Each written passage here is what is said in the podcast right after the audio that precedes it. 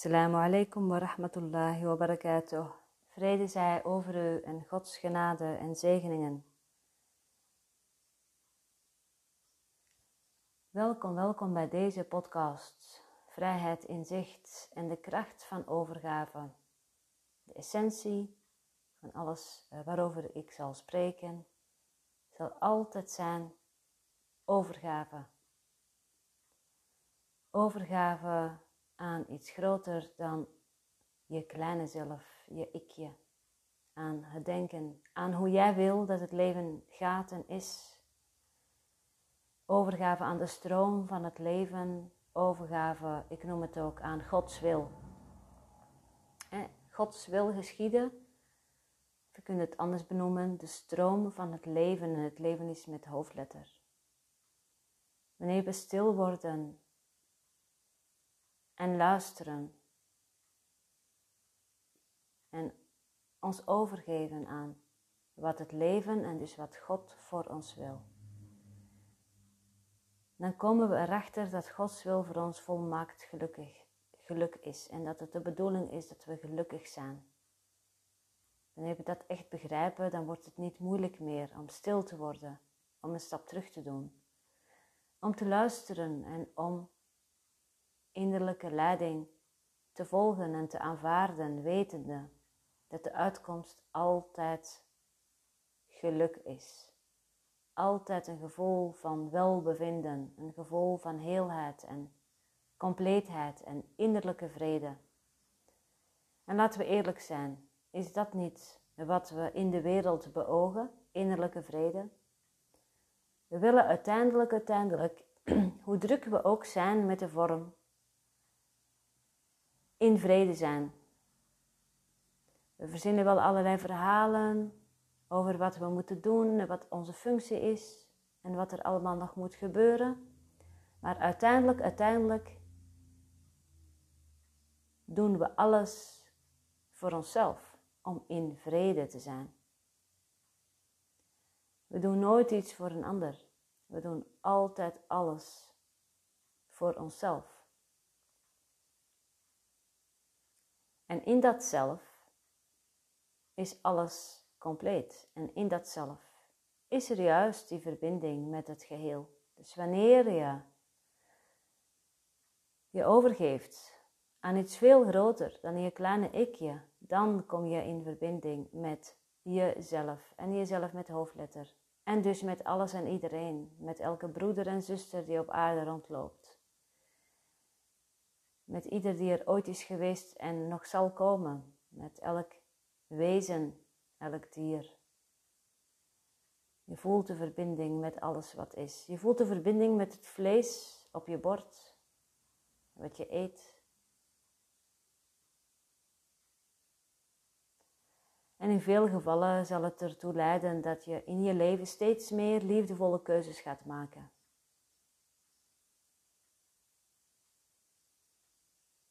En ieder heeft daarin zijn eigen weg te bewandelen. En daarin, daarin, moeten we ook heel eerlijk zijn, kan de weg heel eenzaam aanvoelen.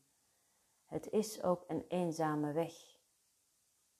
De weg naar God, de weg naar jezelf. Voelt eenzaam hier in de wereld. Toch is het essentieel om nu al te begrijpen dat die eenzaamheid erbij hoort. Er zit niets anders op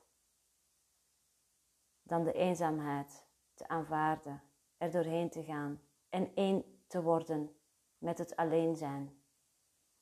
Het is essentieel dat je op een gegeven moment leert om te zitten op een kussentje, in een kamer, alleen, om niets te doen. Geen afleiding. Niet bezig zijn met wat anderen doen. Alleen maar met de stilte om je heen de geluiden om je heen, de gedachten in je hoofd, je ademhaling, met jezelf, met je eenzame zelf.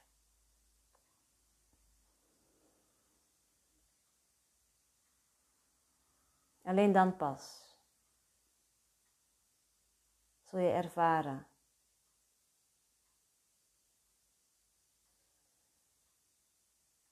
dat waar je werkelijk naar verlangt. Wanneer de zoektocht stopt, wanneer de afleiding stopt. Dan ga je zien en weten dat er niets te zoeken valt.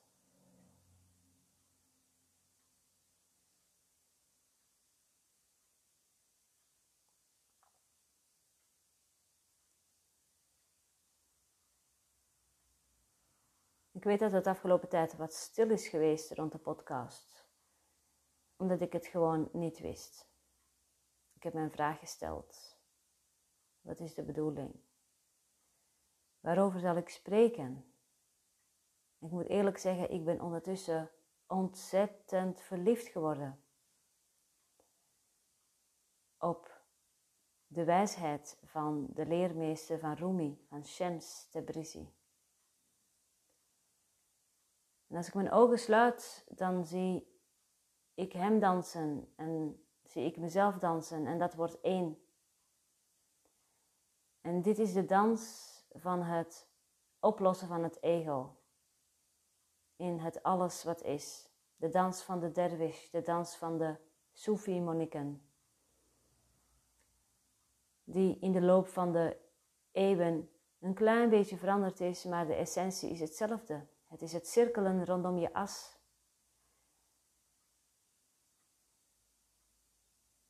En wanneer je een tijdje cirkelt rondom je as, met je armen opgeheven, dan gebeurt er iets in je. Ook dat heb ik een keer mogen ervaren en het is fantastisch. Onbeschrijfelijk.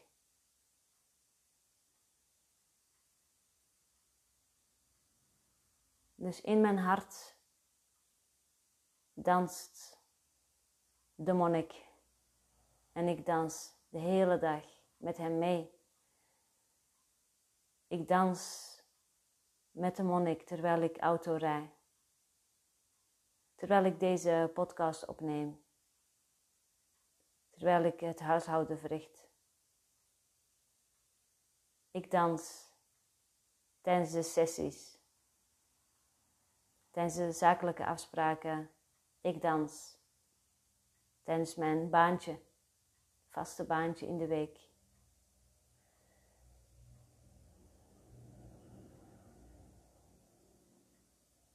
Ik dans bij alles wat ik doe. In mijn hart dans ik. In mijn hart ben ik voortdurend vrij. En mijn hart is geopend en ik neem iedereen mee. Iedereen mee die moe is van zoeken. Iedereen is welkom om met me mee te dansen in mijn hart. De deur staat open, mijn hart staat open. Ik ben beschikbaar voor God. En dat betekent dat ik ook beschikbaar ben voor ieder die God naar mij stuurt. Om samen in onze harten vrij te dansen en te bewegen en God te ontmoeten.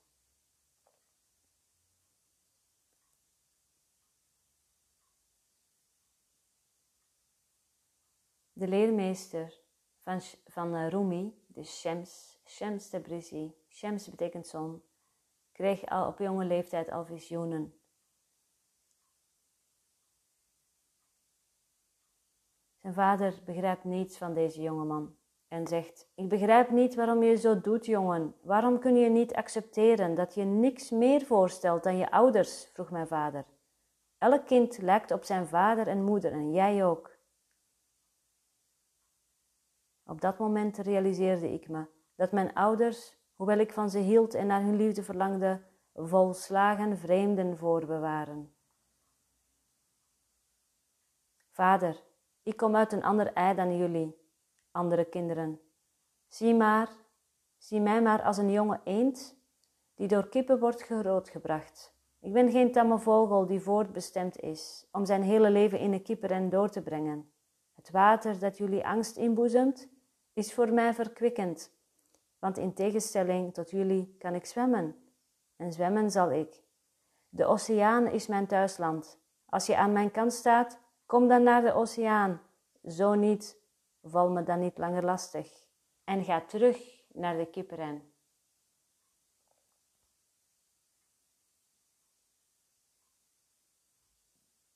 De ogen van mijn vader werden eerst groot en toen klein en afstandelijk. Als jij nu zo praat tegen je vader, zei hij ernstig, dan vraag ik me af hoe jij je vijanden zult aanspreken als je volwassen bent.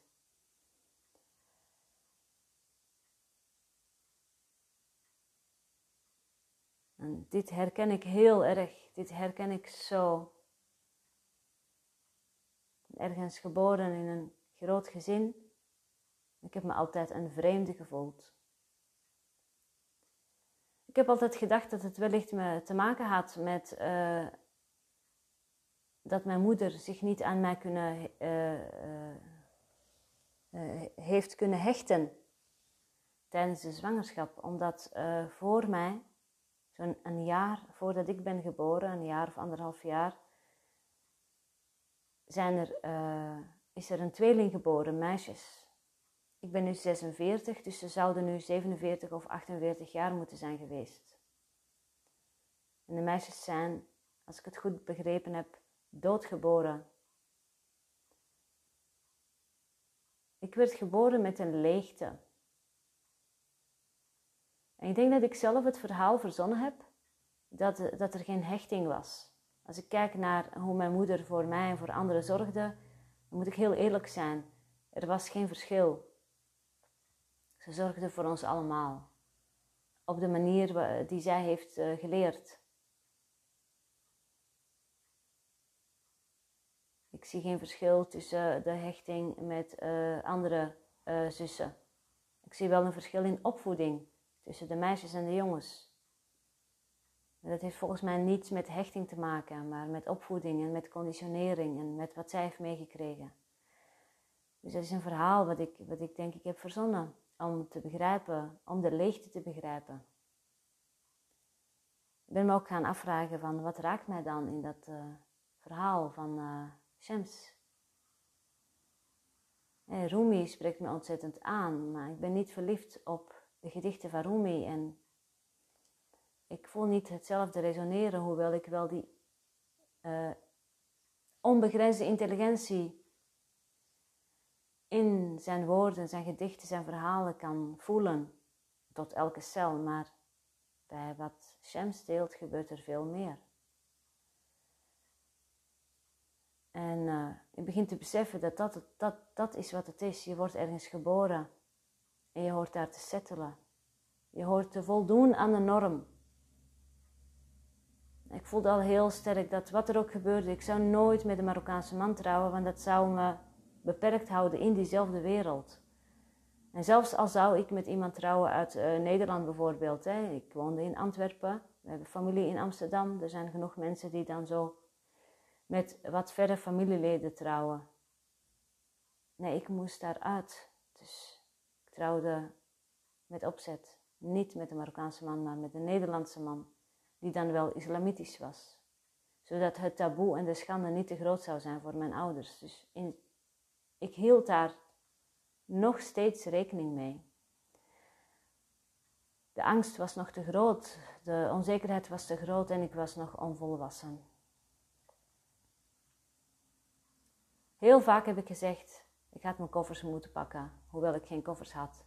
Ik had weg moeten gaan. Ik kwam een keer een jeugdwerker tegen, een Marokkaanse jeugdwerker in Borgerhout, en die, zei, die waarschuwde me daarvoor. Hij zei: Ik zie zoveel meisjes weglopen van thuis. En die belanden in de goot, die belanden in de handen van uh, straatjongens. En dat is, weet je, je, je hebt het moeilijk thuis, je hebt het moeilijk met je ouders, je hebt het moeilijk met je vader. Maar wil jij zo terechtkomen? Heb je een goed opvangnet? Denk erover na. Doe niet zomaar iets. En je vader heeft het beste met je voor. Zijn manier van opvoeden is een manier om je te beschermen in deze wereld, waarin meisjes niet veilig zijn kun je daar ook zo naar kijken. En dat schudde mij wakker, waardoor ik die stap niet durfde te zetten. Want ik had al een poging gedaan om weg te lopen, maar niemand heeft het doorgehad. Dus ik ben gewoon weer naar bed gegaan. Ik had al de boel ingepakt. Ik had mijn schoenen al aan, ik had mijn rugzak al ingepakt en ik lag in bed met een deken over me heen. Maar mijn moeder liep naar boven toe, voorbij onze kamers, om helemaal naar de zolder te, te gaan. Met uh, een dienblad met koffie voor mijn uh, vader. Omdat we hadden helemaal bovenaan, bovenin hadden we de tv. En ik veranderde van gedachten. Daarna sprak ik die man. En toen wist ik van nee, dat wordt niet mijn weg. Dus ik heb een tussenweg gezocht. En een tussenweg is nog steeds niet de weg. En misschien herken je dat ook in je leven, dat je compromissen sluit. Zal ik toch maar, zal ik, als ik een beetje van dit en een beetje van dat, dan hou ik die tevreden, hou ik die tevreden. dat heb ik al heel vroeg geleerd om zo verschillende groepen tevreden te houden. Tot het niet meer lukt. Dan blijkt het leven een leugen te zijn. Tot het moment dat je stil wordt en begint te luisteren, dan daagt de waarheid door je heen en dan valt er niets anders te doen dan die waarheid te aanvaarden en te volgen. Als een feit. Het komt. En vanuit een dimensie aanwezig in jezelf. En je kunt er niet meer omheen. Ik ben dankbaar dat ik daar al geweest ben. Voor mij was de, het, de eerste keer was toen ik ehm, in een huwelijk zat waarbij het totaal niet goed ging, waarbij ik voor de veiligheid van mijn kinderen vreesde, bij therapie terecht kwam. Ik werd stil, ging luisteren en ik zag een beeld voor mezelf van een huisje waarin ik met mijn kinderen woonde. Het voelde heel duidelijk dat is een plek alleen voor mezelf en voor de kinderen. En mijn dochter zat eh, te puzzelen op de grond, die zat te spelen. Mijn zoon zat ook iets te doen, ik weet niet wat, maar in ieder geval, ik was met mijn kinderen en dat beeld was zo helder dat ik voelde, ja, dat is wat ik wil. En toen is, de is er beweging ingekomen en heeft het nog twee jaar geduurd voordat ik uiteindelijk in dat huisje zat met mijn twee kinderen. Ik denk dat daarom mensen niet zo uh, durven om uh, stil te worden. Hun ogen te sluiten en naar binnen te keren. Ze zijn bang voor wat ze daar gaan tegenkomen. En dus gaan ze nog steeds andere oplossingen zoeken en dwalen en dwalen en dwalen tot ze doodmoe zijn of dat tot hun lichaam het echt letterlijk opgeeft door middel van de dood of een ernstige ziekte of een ontslag en gedoe op werk. De onvrede zal hoe dan ook een, een manier vinden om weer spiegel te worden in het leven. Eigenlijk zegt het leven tegen je: stop, waar ben je mee bezig? Gods wil voor jou is volmaakt geluk. Wees niet zo bang. Doe je ogen dicht. Ga zitten. Ga luisteren. En nee, je hoeft niet vandaag de allergrootste beslissingen in je nemen te leven. Dat hoeft niet. Het enige wat van je wordt gevraagd is: wees stil. Luister. Laat toe. Laat die stem toe die door jou gehoord wil worden. Laat die spreken. En je hoeft niet zelf met oplossingen te komen in de wereld. De oplossingen worden jou gegeven. Laat het leven door jou heen stromen. Het leven zal jou helpen. God zal jou helpen. Want Gods wil voor jou is volmaakt geluk. Volmaakt geluk. Volmaakt betekent dat er niets aan ontbreekt. Het heeft jouw inspanning niet nodig. Het heeft jouw intelligentie niet nodig. Het heeft maar één ding van jou nodig en dat is aanvaarding. Dus mijn oproep aan jou, lieve luisteraar, lieve broeder, lieve zuster, lieve zoekende, lieve reiziger, lieve vermoeide ziel, kom tot rust, doe een stap terug. Word stil en luister.